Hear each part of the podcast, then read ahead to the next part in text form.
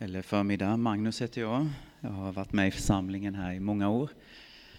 Eh, idag ska jag tala, som Johanna sa, om Guds förvandlande närvaro och kraft. Fantastiskt tema. Jonathan gav mig detta att välja på och att predika om familjen. Eh, när han frågade mig så satt jag precis med en kandidatuppsats som handlade om Guds förvandlande närvaro och kraft. Så då tänkte jag, då är väl valet enkelt. Vad jag ska tala om idag. Eh, Helig Ande, jag tackar dig för att du är här, Herre. Tack för att du är mäktig. Tack för att du är fantastisk, Herre. Och vi vill bara välkomna dig. Helig Ande, du är här redan, men vi vill också säga välkommen, Herre. Välkommen i, i våra hjärtan, välkommen i vår mitt, välkommen i vår gemenskap. Och Guds heliga Ande, vi ber att du ska tala till oss idag, tala till mig, tala till oss, Herre, allihopa, Herre. Och jag ber att dina ord, din vilja för den här stunden ska komma fram och att mina ord ska få stå tillbaka, Herre, mina tankar, känslor, Herre. Så vi bjuder in dig, kom helige Ande och regera här i vår mitt idag. I Jesu namn, Herre. Amen. Det är väl lika bra jag häller upp direkt här, tänker jag. Eh, när jag förberedde det här, igår bland annat, så fick jag en, en känsla av att, eh, att Gud på något sätt vill damma av eh, detta i våra liv.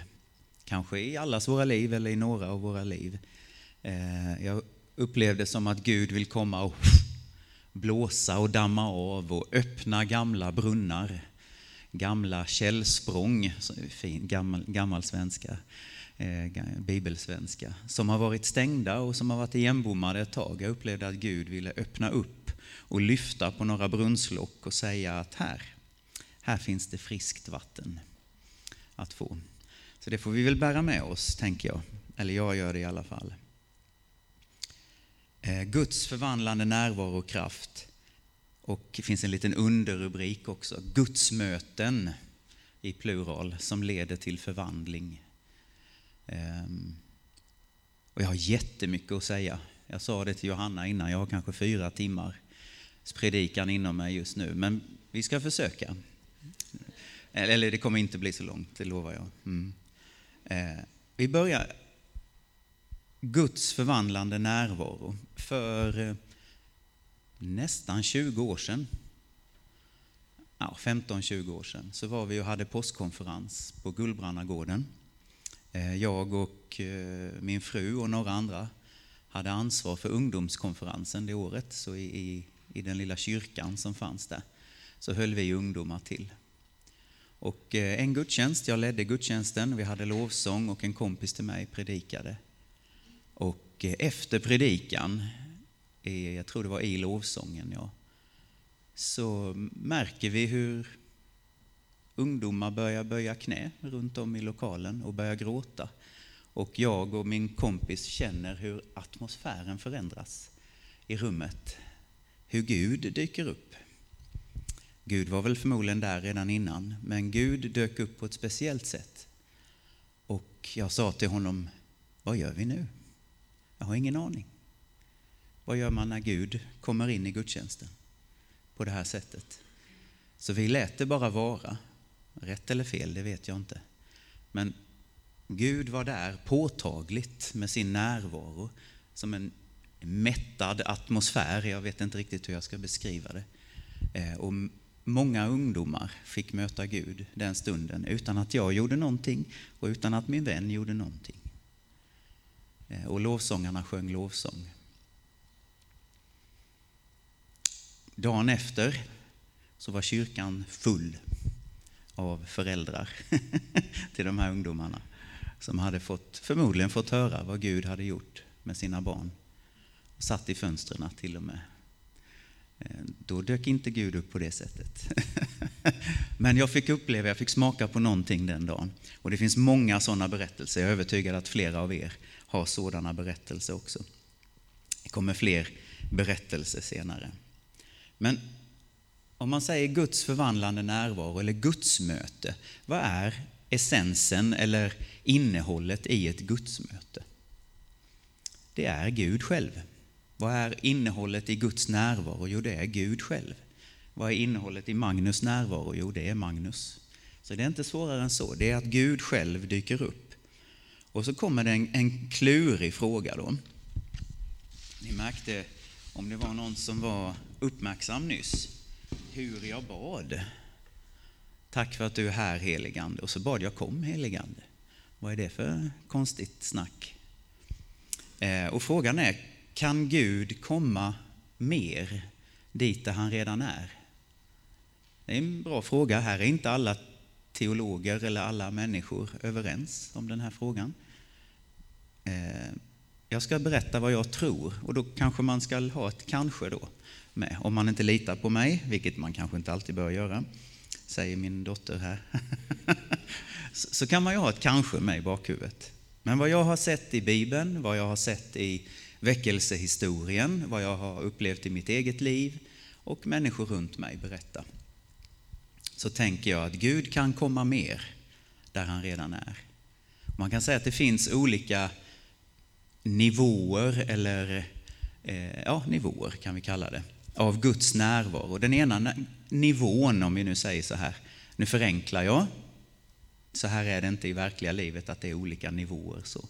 Men Gud finns överallt. Gud är allestädes närvarande. I varje liten nanopartikel i universum är Gud närvarande. Och en annan nivå är att Gud bor i mig, Gud bor i alla som har tagit emot Jesus som sin Herre. På ett litet extra sätt. Det är mer än vad han är i naturen. Gud är här idag i församlingen i Matteus har Gud lovat att när ni samlas i mitt namn så är jag mitt ibland er, har Jesus sagt. Sen finns det i Saltaren står talas om att Gud tronar på våra lovsånger. Det vi höll på med nyss är också på ett speciellt sätt Gud närvarande när vi tillber honom, med eller utan musik. Och så finns det en annan nivå som man kan kalla Guds manifesterade närvaro eller Guds påtagliga närvaro som man faktiskt kan erfara och känna. Och det står talas om det i första kungaboken 8 när Salomos tempel invigdes. Då står det att prästerna och lovsångarna som gjorde tjänst, de kunde inte stå upp längre. För Guds eld, Guds närvaro var så stark. Eh, närvarande där. Nu är det ju inte så här i verkliga livet. 1, 2, 3, 4, 5. Men om man skulle försöka kategorisera lite så skulle man kunna tänka så. Och ni behöver ju inte hålla med mig om det. Jonathan, du ska predika nästa söndag, va? så kan du korrigera om det, om det skulle vara galenskaper. Jag skulle vilja läsa ett litet stycke ur en bok. Oj, ursäkta. Det här är på engelska, så att jag ska översätta här. Och det handlar om en man som heter Smith Wigglesworth. Han var en rörmokare i England i början av 1900-talet som eh, fick möta Jesus, blev kristen och eh, fylld av Guds ande och använd på väldigt många och starka och lite konstiga sätt ibland också. Eh, ja, Gud använde honom väldigt mycket. Eh, en liten berättelse ska jag läsa om honom. Och det handlar om att eh, det var han och ett gäng kristna ledare som hade en bönestund tillsammans. Och när han började be så kunde de här ledarna inte vara kvar i rummet. Lite som jag läste nyss i första kungaboken. De kunde inte stå upp längre utan de fick gå ut för de klarade inte av Guds starka närvaro. Och då var det en pastor som senare skrev en bok och det är den jag citerar nu då. Som bestämde sig för, får jag tillfälle så ska jag minsann vara med och be tillsammans med den här Smith Wigglesworth. Eh, och jag ska minsann stanna kvar. När alla, om alla andra går ut så ska jag stanna kvar. Och så dök det här tillfället upp. Och han fick vara med och be tillsammans, de var några stycken eh, ledare, kristna ledare tror jag. Eh, och så kom det här tillfället där de skulle be. Och så beskriver han det här då, att Några stycken av oss bad och sen så började det gamla helgonet, det är alltså Smith Wigglesworth han menar, så började det här gamla helgonet att lyfta upp sin röst. Och hur konstigt det än låter, så började andra Mosebok att utspela sig i rummet. Ett gudomligt inflytande började att fylla rummet. Rummet blev heligt. Guds kraft började kännas som en tung tyngd i rummet. Och med fasta käkar och en beslutsamhet att inte böja mig. När alla andra lämnade rummet så skulle jag stanna kvar. Men till slut så blev pressen så hård och så tung att jag inte kunde stanna längre. Men min själs, det är lite poesi här då, men min själs dammluckor vidöppna så bara strömmade det tårar ur mina ögon och med en okontrollerat gråt så var jag tvungen att gå ut eller dö. Och kvar satt en man, ursäkta, kvar satt en man som kände Gud som få gör. Lämnad ensam kvar, helt omsluten av en atmosfär som få människor ens kan andas i. Den här Smith Wigglesworth, han var lite annorlunda och han gjorde lite annorlunda saker, men han bar på Guds närvaro över sitt liv. Gud gillade honom. Gud bodde i honom på ett speciellt sätt och över honom, vilade över honom. Så att när han bad så kunde pastorer och ledare knappt vara kvar i rummet. För att som han beskrev, andra Mosebok började utspela sig. Elden på berget Sinai. När Mose gick upp på berget. Det var bara Mose som vågade gå upp på berget då. Och kvar satt Smith Wigglesworth ensam. För Guds närvaro, Guds helighet var så stark. Det här kanske jag skulle berätta till slutet. För nu är det svårt att matcha den här berättelsen med min predikan. Men jag ville bara på något sätt spränga våra begränsningar. Vad menar vi när vi talar om Guds närvaro? Jo, vi menar faktiskt den riktiga Guds närvaro som det talas om i Bibeln. Det ska vi nu titta lite närmare på. I Andra Korintierbrevet 3.18 så kan vi läsa att och alla vi som med obeslöjat ansikte ser Herrens härlighet, som i en spegel, vi förvandlas till en och samma bild, från härlighet till härlighet, och det sker genom Herren, Anden. Och när vi skådar Guds härlighet, när vi ser på Jesus, när vi ser på Gud, så är det en plats av vila, det är en plats av att inte prestera, märkte vi, utan anden gör det här verket. På den här platsen så är det omöjligt att inte bli förvandlad av Gud. För Gud påverkar oss med sin gudomliga närvaro. Och då är frågan, nöjer vi oss här med lite grann? Eller får det oss att Gud blir vårt allt? Det är en fråga som jag får ställa mig själv väldigt ofta. Nöjer jag mig med lite grann? Eller får Gud bli mitt allt? Allt. Och jag nämnde berget Sinai och Mose innan.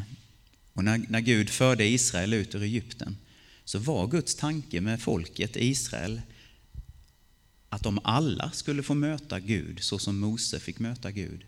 Att Guds närvaro skulle definiera hela folket. Men det var bara Mose som drog sig nära Gud. Och det kan vi läsa i Andra Mosebok 20-21. Där står det att Mose drog sig närmare det tjocka mörkret där Gud var. Och Mose hade inte Gamla testamentet att läsa då. Han visste inte att han skulle överleva. Berget brann av eld, för Guds närvaro vilade över berget. Men för Mose var det viktigare. Jag vill ha Gud, jag vill ha Guds närvaro. Kosta vad det kosta vill, om det kostar med mitt liv. Det visste han inte då. Han överlevde. Men han drog sig närmare det tjocka mörkret där Gud var. Och vår första eller primära kallelse i livet det är gemenskap med Gud. Där han bor i oss som troende och där han vilar över oss med sin ande. Och förvandlingen som sker i oss och det som vi därefter gör, det är helt enkelt biprodukter och det kommer av detta, det viktigaste av allt, Guds närvaro i våra liv. Guds förvandlande närvaro och kraft. Det viktigaste är alltså Gud. Det finns en princip. Det viktigaste kommer först. Matteus 6.33 säger att sök först Guds rike och hans rättfärdighet så ska ni få allt det andra också. Guds rike, ja det är där Gud regerar. Sök först Gud och hans ansikte så ska allt det andra tillfalla er, står det i den gamla översättningen. Då lägger sig annat i livet till rätta. Att vara centrerad på Guds närvaro. kan man ju låta som en liten slacker. Nej, jag söker bara Guds närvaro. Ja, det finns en risk på vissa områden i livet, men vi ska inte gå in på dem idag. Men att söka Gud och Guds närvaro först. Och vad är då syftet med Guds närvaro? Vad är det för lurt Gud har med det här? Jo, syftet är Gud själv, återigen. Syftet är en romans med Gud själv. En kärleksrelation med Gud själv. Och tjänsten för Gud, om man är anställd som Jonathan eller om man har, tjänar Gud i det privata livet, det är en biprodukt av detta liv i kärlek och intimitet med Gud. Det pågående gudsmötet har jag kallat det, nästa punkt. Och det handlar om tiden i enskild bön med Gud. Det ska inte vara en massa bön för olika saker eller böneämnen, utan tiden i enskildhet, avskildhet med Gud i bön, det handlar om att lära känna Gud själv. Att ta emot av Guds kärlek, att sitta, ligga, stå, hoppa tillsammans med Gud, vara tillsammans med honom, ta emot hans kärlek. Och här behöver vi komma, vi behöver börja värdesätta Gud själv. Att vara med honom, att njuta av honom, inte bara värdesätta allt han kan ge. Återigen Mose, han sa nej. Nej, vi skippar den storyn, den är för lång. Det går att läsa i Andra Mosebok 33. Eh, tar vi en annan gång. Eh, I Saltaren 16 så talas det om hur David satte Gud framför sig varje dag. Han prioriterade Gud varje dag. Gud på första platsen. Och allt annat lade sig till rätta. Och David blev känd, trots alla sina felsteg, trots sin synd, så blev han känd som en man av Guds närvaro. Och att göra det här valet, att sätta Gud först, att sätta Gud framför sig själv, det är ett val som vi alla måste göra, ett viktigt val. Det kommer inte av sig själv. Eh, att skapa sin egen historia med Gud. Att vem är jag när ingen ser på? Vem är jag när jag inte ska be för massa saker? Vem är jag när jag inte ska tjäna Gud? Vem är jag när det bara är jag och Gud? Vem är jag då? Och när Jesus var i bön på berget, han bad ofta på berg, eh, ensam med Fadern, då gjorde Gud ett verk i Jesus. Som han senare gjorde genom Jesus. Men utan berget, utan att Gud och Jesus, eller Fadern och Jesus, Jesus är ju Gud själv, Fadern, Sonen och den helige Ande. Eh, utan att Jesus hade varit ensam med Fadern så hade Fadern inte heller verkat genom Jesus. Han älskade Fadern innan han kunde förklara Fadern för andra människor. Så återigen, kärleken, intimiteten, romansen med Gud. För några minuter sedan så höll vi på med något som kallas tillbedjan. Herrarna och damen ledde oss i tillbedjan, en stund av lovsång. Och vi människor är skapade för att tillbe. Och vi blir lika det vi tillber. Och därför är det inte så konstigt att Gud gång på gång säger, uppmanar oss i Bibeln att tillbe honom. För att han är den störste, han är den bäste, Och när vi tillber honom så förvandlas vi till hans avbild. Det händer någonting i tillbedjan. Det händer någonting med Guds närvaro, men det händer någonting med oss också. Vi förvandlas i tillbedjan. På grund av hans närvaro och härlighet. Och sann tillbedjan är ju inte bara gitarr och piano och sång och bas också, Oskar. Utan det är att en hel överlåtelse. Är det mycket sånt tryck när jag... En hel överlåtelse av hela sitt liv. Det är sann tillbedjan också. Och tillbedjan handlar om ett möte med Gud. Att Gud är närvarande i tillbedjan. Jag börjar bli orolig för klockan. Jag kör på en stund till. Men vi... Eh, andedop är ju ett annat gudsmöte. När Gud döper oss i sin heliga ande. När Jesus döptes i helig ande efter sitt dop, vattendop, så revs himlen i tu, står det. Det står inte att molnen skingrar sig och solen börjar skina, utan det står att himlen revs i tu. Och jag tror det händer en eller två gånger till i Bibeln och en av de andra gångerna är när Jesus dör på korset. Himlen blir på något sätt extremt engagerad i det som händer på jorden. Och här öppnades himlen, revs itu och anden kom ner över Jesus som en duva. Och andedopet är till för alla troende. Det finns ingen, inget A-lag eller B-lag, utan andens dop är till för oss allihop. Jag är helt övertygad om det. Och det är ett möte med Guds kraft och det är väldigt viktigt. Den troende blir fylld av kraft så att man kan visa på Jesus, visa på hans liv. Men det är inte bara för andras skull. Jag är uppväxt i en kyrka där man fick höra väldigt mycket att andedopet är förtjänst. Och ja, det är det. Men det är inte bara där. Inte bara för det. Utan andedopet är också till för att Gud älskar oss. Och Gud vill ge sig själv till oss för att vi ska få njuta av honom. Det finns en intimitet i andedopet. Men när man möter Gud så är det nästan omöjligt att förbli som man är och omöjligt att hålla det för sig själv. Jag kommer ihåg när vi var i den gamla kyrkan i stan så var det en kille som inte var troende och var med på en bön och lovsång och sen var han alldeles han tyckte det var jättekonstigt och jobbigt efter ett tag för att det kom ut konstiga ord ur hans mun i lovsången. Han blev döpt i den heliga ande direkt. Och han berättade för mig några dagar senare att han har varit och handlat på Maxi och träffat en gammal kompis. Och hon frågar hur är läget? Jo, jag har mött Jesus! Och han bara, sa ja, Det, han, det bara kom. Han, det, han, kunde inte, han planerade inte det och han kunde inte hålla tyst. Så att när anden fyller oss, när and, vi blir döpta i den heliga ande, så är det omöjligt att hålla tyst. Det kanske inte sker på Maxi på det sättet för oss alla, men någonting händer i oss. Eh, så att ju mer vi möter anden, desto mer påverkar det vår omgivning också.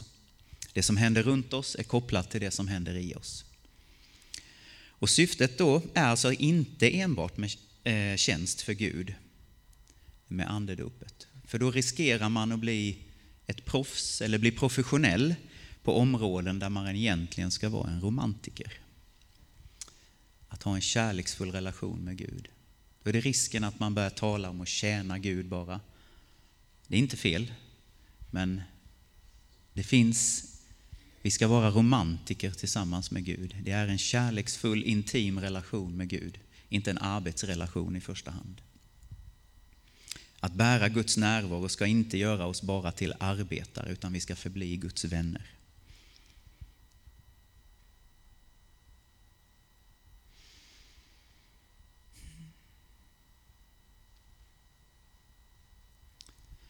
Så när vi möter Gud så gör Gud ett verk i oss. Om man har ett par som älskar varandra, kanske extra mycket när de är nyförälskade, så gör de massa saker för varandra. De gör massa goa saker för varandra. Och det gör de ju inte för att de måste. utan för att de älskar varandra. De har en passion för varandra. Frukten av deras kärlek till varandra leder dem till att göra detta. Och på samma sätt så är det med oss och Gud. Passionen eller kärleken till Gud är helt central i det kristna livet. Eh, den gör att vi gör saker för Gud. Inte för att vi måste, och inte för att vi måste vara disciplinerade, utan för att vi älskar Gud. Och passionen, det, jag tycker det är så vackert när man... Jag tror inte det är så många vigselritualer som, som talar ut det. En del, jag har hört det på några bröllop, att när man väljer en, jag valde Eliana, min hustru. När jag valde henne så valde jag också bort resten av jordens befolkning, resten av jordens kvinnor. Jag gjorde ett val att det är hon som gäller. Och det är samma sak med Jesus. När jag valde Jesus så är det han som gäller. Och det valet, det jaet till Jesus, blir också ett nej till andra röster och andra värderingar som då tystnar. Och då, den här kärleken och passionen, det rungande jaet, blir då ett nej till andra röster. Så det kristna livet handlar om passion, inte om disciplin.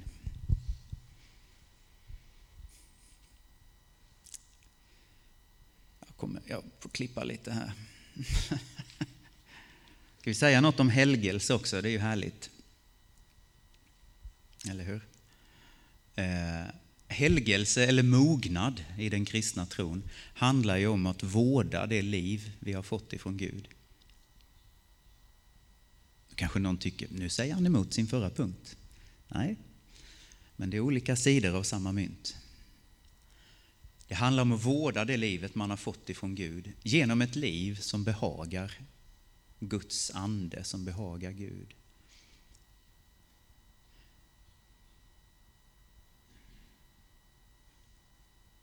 Och Jesus, när han blev döpt i den helige Ande, i Johannes 1 och 32, så står det att anden kom över honom och så står det att anden stannade kvar över honom. Och det är en liten konstig detalj. Men anden stannade kvar hela Jesu liv, hela Jesu tjänst. För att Jesus levde ett liv som behagade Gud. Jesus levde ett liv med anden i åtanke hela tiden. Han levde ett liv i respekt för anden med fokus på Guds andes närvaro över hans liv. Hans liv kretsade kring det. Och på samma sätt, och genom det livet så har Jesus också visat, varit ett föredöme, en förebild för oss på det området. Jesus var sann Gud, sann människa, en mycket speciell man. Det finns inga fler Jesusar. Jo, det Jesus finns i, i en del spansktalande länder.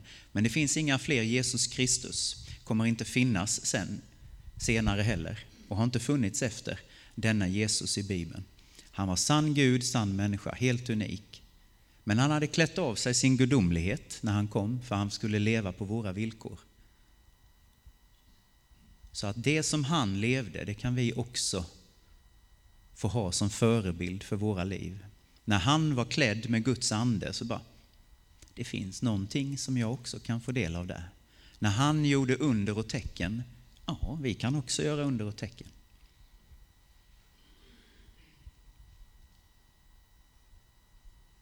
Mm, så är det.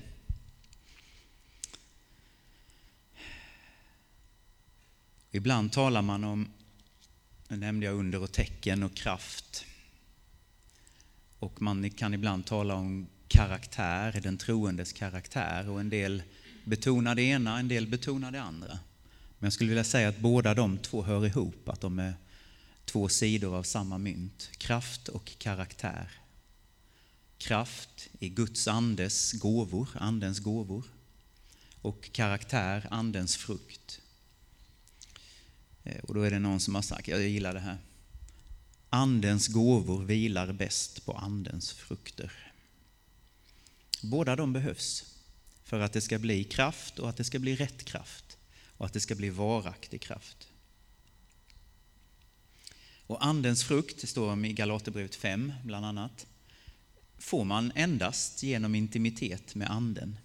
Man kanske kan fejka lite ibland, att man är kärleksfull och så vidare. Men de sanna frukterna får man bara genom att umgås med Guds ande. Det är inget man kan producera själv, utan det är beviset på vad man andligen umgås med, helt enkelt. Återigen, det handlar inte om disciplin, utan det handlar om en kärleksrelation med Gud, med anden, för att andens frukt ska växa ut ur oss. Det är biprodukter. biprodukter. Jag märker att jag använder det ordet väldigt mycket. Biprodukter av vårt liv med Gud. Och det finns massa exempel i Bibeln. Lärjungarna, har man läst Bibeln så ser man att de var ett gäng eh, ja, lite smågalna, eh, absolut inte helgade varelser som hängde med Jesus. Och trots detta så gav Jesus dem kraft och auktoritet att gå ut och bota sjuka etc. och predika evangelium. Innan de var helgade, innan de var fyllda av andens frukt, så fick de kraft. Och Jakob i Gamla Testamentet, han är en annan snubbe som eh, helgades ut med vägen så att säga. Det var hans längtan efter Gud som startade en förändring i honom. Och så är det, jag säger då mig, så har det varit jättemycket med mig. Det kan finnas någon som känner igen sig då. Att man känner att man måste rena sitt liv. Man måste bli så helig och helgad för att ens kunna möta Gud. Gud som faktiskt är den som renar oss.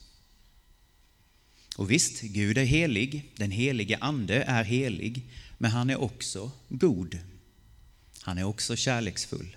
Lika god och kärleksfull som han är helig.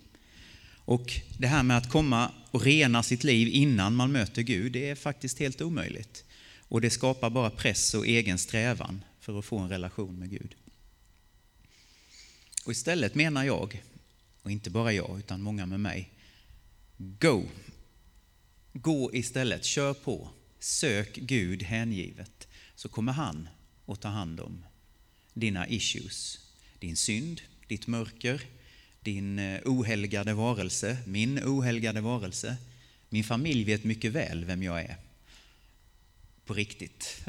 Min familj, nu pekar jag på min dotter här. Resten av familjen är någon annanstans och jobbar och grejer.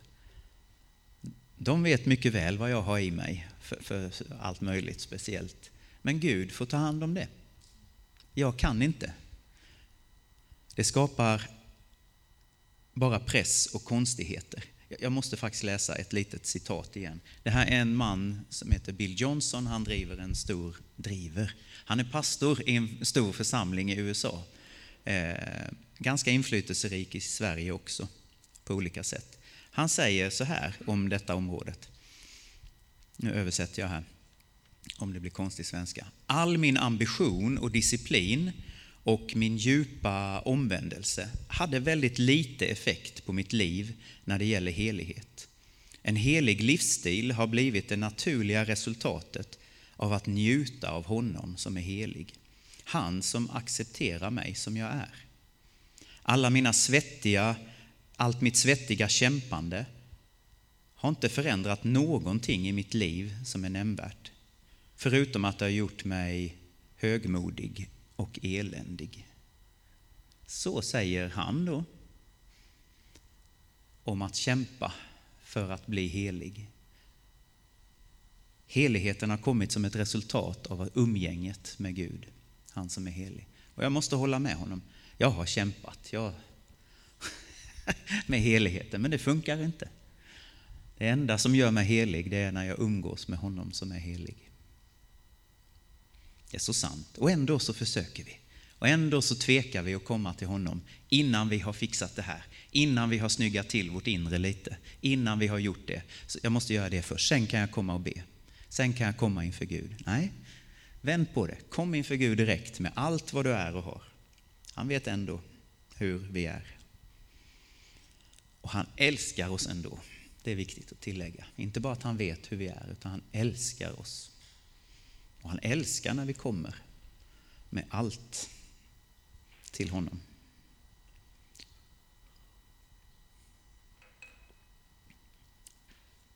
Ni är med lite till va? Jag ska se, ingen var med. Vad skönt. Jag är med. Jag kör på lite till i alla fall. Gudsmöten har vi pratat om. Och vi har pratat om att gudsmöten leder till förvandling i oss, i den troende. Och nu kommer vi prata lite om att Guds möten leder till förvandling genom oss. Det går så. Nåd gillar vi, eller hur? Ordet nåd, det är ett fint ord. Man brukar kunna översätta det med, nu kommer två fina ord till, oförtjänt favör. Eller oförtjänad särbehandling kanske man skulle kunna säga. Positiv särbehandling av Gud. Jag skulle vilja lägga till en liten svans på det ordet. Um, oförtjänt favör som för med sig Guds möjliggörande närvaro. För det finns någonting, inte i ordet nåd bara, men i begreppet nåd i Bibeln som är mer än oförtjänt favör. Det ligger någonting i nåden som är en slags kraft till förvandling också. Det är inte bara du är förlåten, utan det är mer. Du är förlåten och det finns en påföljande kraft, en medföljande kraft, en medföljande närvaro helt enkelt, som är Gud själv.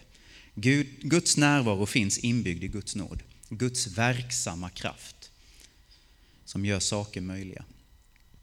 Det finns en eh, kille, för han var nog en kille, i Gideon, domarboken som heter Gideon. Han, det var krig, han låg och gömde sig i vinpressen för han var rädd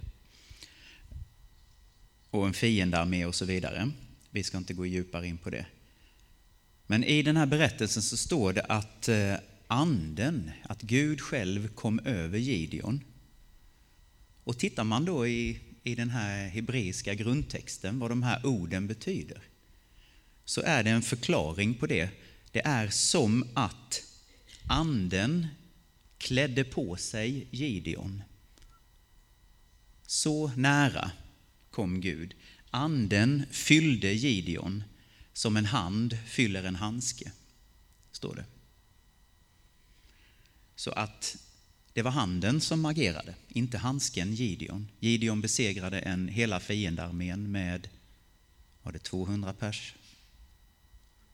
Tre pers. 300, jag tänkte så fel kan jag inte ha. 300. Ja, eh, 300 människor men, men det var inte Gideon som gjorde det, utan det var handen i handsken som gjorde det. Det var Guds ande i Gideon som gjorde detta. Jag tycker det är en underbar bild att Gud tog på sig Gideon som en handske. Sen började han jobba. Så Gideon fick vara med. Det är nästan som man har små barn när man bakar. De får vara med. Det är inte alltid så mycket hjälp, men vi gör det tillsammans. Eh, och det är ett exempel på när en människa bär så mycket av Andens närvaro, eller Guds närvaro, att Anden lever ut ur den människan genom dennes personlighet. För Gideon fick vara med. Och det är just så att det är genom våra personligheter som Anden vill leva ut vi ska inte bli kopior av varandra, utan jag är jag och Gud vill fylla mig som en handske genom mig. Gud vill fylla Rickard som en handske genom Rickard, etc. och oss alla. En härlig bukett av personligheter. Han fick oförtjänt favör som förde med sig Guds möjliggörande närvaro.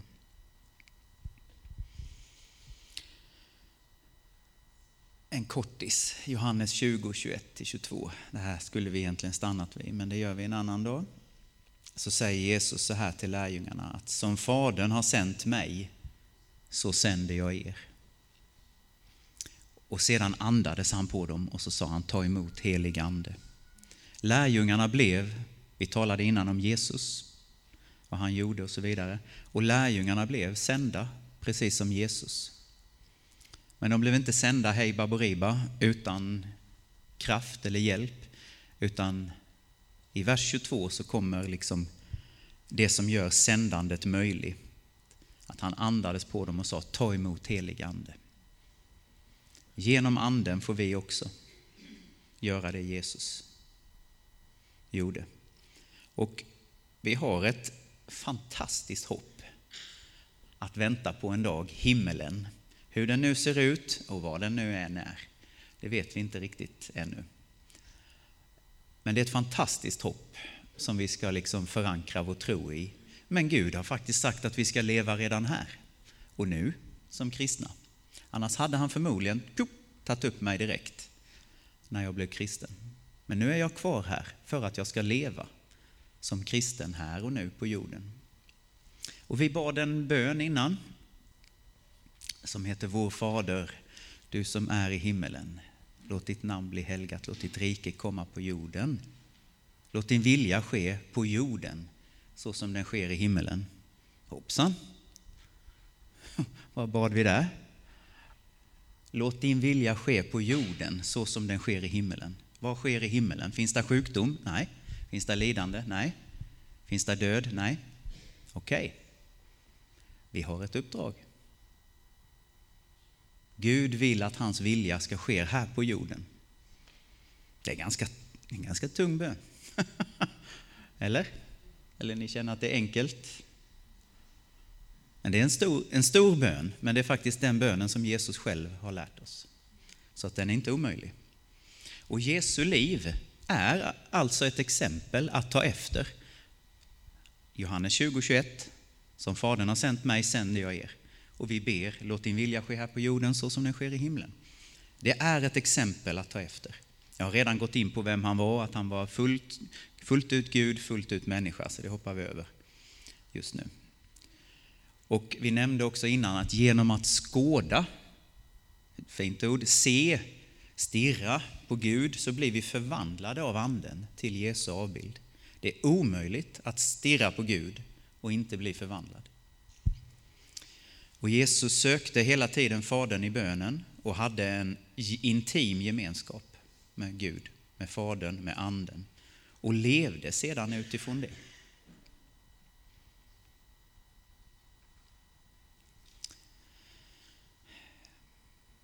Och i och med Andens utgjutande över lärjungarna och i och med Andens utgjutande över oss så har vi fått del av den här gemenskapen med Anden.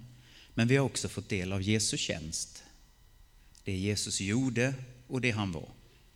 Det naturliga, övernaturliga kristna livet. Och gudsmötet leder till förvandling i oss så att vi blir troende så att vi i vår tur förvandlar där vi går fram. Vad var då Jesu tjänst? Jo, det var just det han var och det han gjorde. Han visade, det var någon som har sagt att han är, eller någon, det är många som säger, lite klatschigt uttryck, att Jesus är perfekt teologi. Han visade Fadern, han är den absolut tydligaste uppenbarelsen av Gud, av Guds vilja och Guds väsen. Han visade som jag sa nyss, på ett liv i kraft. Där han gick fram, människor blev helade, döda uppväcktes. Eh, han spred, spred kärlek som bara den. Han var ganska utmanande ibland också, i vissa ord och handlingar. Och vi då, vi är små Jesusar. Det är faktiskt ett liv som vi kan få leva också. Jag lever inte det livet, tyvärr. Jag uttryckte för min hemgrupp häromveckan att jag är så trött på att ingenting händer. Jag ber för sjuka och ingen blir frisk. Det är jätteirriterande. Mm. Men tyvärr är det så det är nu. Det hade varit roligare att säga att alla jag ber för blir friska. Men så är det inte just nu. Jag hoppas och ber att det ska bli så. Men vi behöver inte vara nöjda. Ibland kan man ju bli lite nöjd då. Ja, men det, det kanske inte, jag är ingen helande människa så. Eller det händer då, och det händer dem. Det händer ju vissa och det händer framförallt i Afrika och i Sydamerika och i Asien. Men vi behöver, och det, jag lägger ingen skuld i det här på varken mig själv eller på er. Det, förlåt om, jag, om det lät så, det är inte meningen. Eh, men däremot så behöver vi inte vara nöjda med att det är så. Det finns. Gud har sagt, be för de sjuka så ska de bli friska. Där vi går fram så ska detta och detta och hända. I alla möjliga ställen i Nya Testamentet så står det det. Och här behöver vi faktiskt, eller jag, Magnus, behöver söka Gud i bön för detta. Jag vill ha det. Jesus, när han gick omkring så sa han till och med till människor så här att om inte jag gör Faderns gärningar så tro inte på mig. Skulle vi som församling säga det? Annonsera i Hallandsposten. Om inte detta och detta händer så lyssna inte på oss. Kom inte och lyssna på oss då. Jättemagstarkt, eller hur? Mm, det tycker jag i alla fall. Men Jesus han sa inte bara de rätta sakerna, han gjorde dem också. Sen vet jag att Jesu gärningar handlar inte bara om under och tecken och helande etc. Det handlar om att hjälpa fattiga, hjälpa änkor, hjälpa flyktingar, tala eh, Guds ord. Det handlar om att sprida kärlek. Absolut, jag är helt med på det. Men nu fokuserar jag lite smalt på det här idag. Eh, och han, alltså Gud, ska synas genom våra liv. Att vi ska bli ett porträtt av honom. Och det blir vi när vi ser på honom. Genom att vara fyllda med anden och leva med anden så blir vi lika Jesus och vi kan representera honom. Vad betyder representera? Det betyder återpresentera. Vi kan återpresentera Jesus för människor på ett bra sätt. Och vi kan se i Bibeln att människor av alla de slag älskade att vara med Jesus. När Jesus var på fest, vilket han var, så gillade de prostituerade och de utstötta och eh, de som fifflade med skattemedel och så vidare. De gillade att vara med Jesus. Och vi troende, vi är ju Kristi kropp på jorden. Vi kanske är den enda Jesus som människor får se i sina liv. Och då måste vi representera Jesus väl. Som han var, som han är, inte som jag tycker. Nu ska jag försöka gå in för landning här, så att det inte blir för långt. Och då får vi bära Guds andes närvaro, precis som Jesus bar andens närvaro. I Johannes 7 och 37 så står det talas om att Jesus säger så här att om någon är törstig så kom till mig och drick. Den som tror på mig, ur hans inre ska strömmar av levande vatten flöda fram. Och det sa han om anden som de skulle få som trodde på honom. Och dricker man av den här strömmen av den helige ande så blir det en ström inombords. Det blir inte en sjö där man kan plaska om sina fötter och gulla med sig själv och ha det bra och bara vara till tröst. Nej, utan det blir en ström, det blir en flod som faktiskt flyter igenom oss vidare till andra människor också. Den påverkar oss jättemycket, men den flyter också vidare till andra. Det här levande vatten, det är anden som flyter fram. Och Jesus sa så här, när Jesus kom så var han världens ljus. Och när han lämnade jorden så sa han till sina lärjungar, ni är världens ljus. Vi är världens ljus. Som strålar för världen. Man blir förvandlad i sin natur när man hänger med honom. Man blir lik honom. Och jag nämnde innan, vad var det, första kungaboken? Tempelinvigningen, Salomos tempel. Där Gud kom och fyllde sitt tempel med sin närvaro, med sin härlighet. Gud fyllde tabernaklet, Mose tabernakel i öknen, med sin härlighet, med sin närvaro. Som människor hade byggt. Gud säger i Nya testamentet att vi, våra kroppar, är den heliga Andes tempel. Skulle då inte Gud vilja komma och fylla det tempel han själv har byggt? Jag tror det. Jag har ibland jättesvårt att tro själv att det ska hända mig, att jag får vara med om detta. Men Gud har lovat. Och därför ska jag vara envis. Jag tror att Gud vill fylla våra liv med sin ande. Han vill vara i oss, över oss, runt oss och med oss och ut ur oss och allt möjligt. Han vill vara vårt allt. Han vill vara vår älskade. Som vi har en kärleksfull relation med, till och med en romans. Jag gillar det ordet för det får oss att inte vara så religiösa.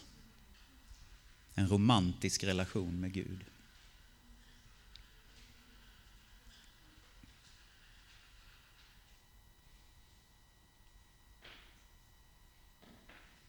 Tror vi avslutar där. Ja, vi ska sjunga lovsång, vi ska tillbe Gud en liten stund tillsammans här. Men jag vill också inbjuda till förbön. Jag har pratat jättelänge.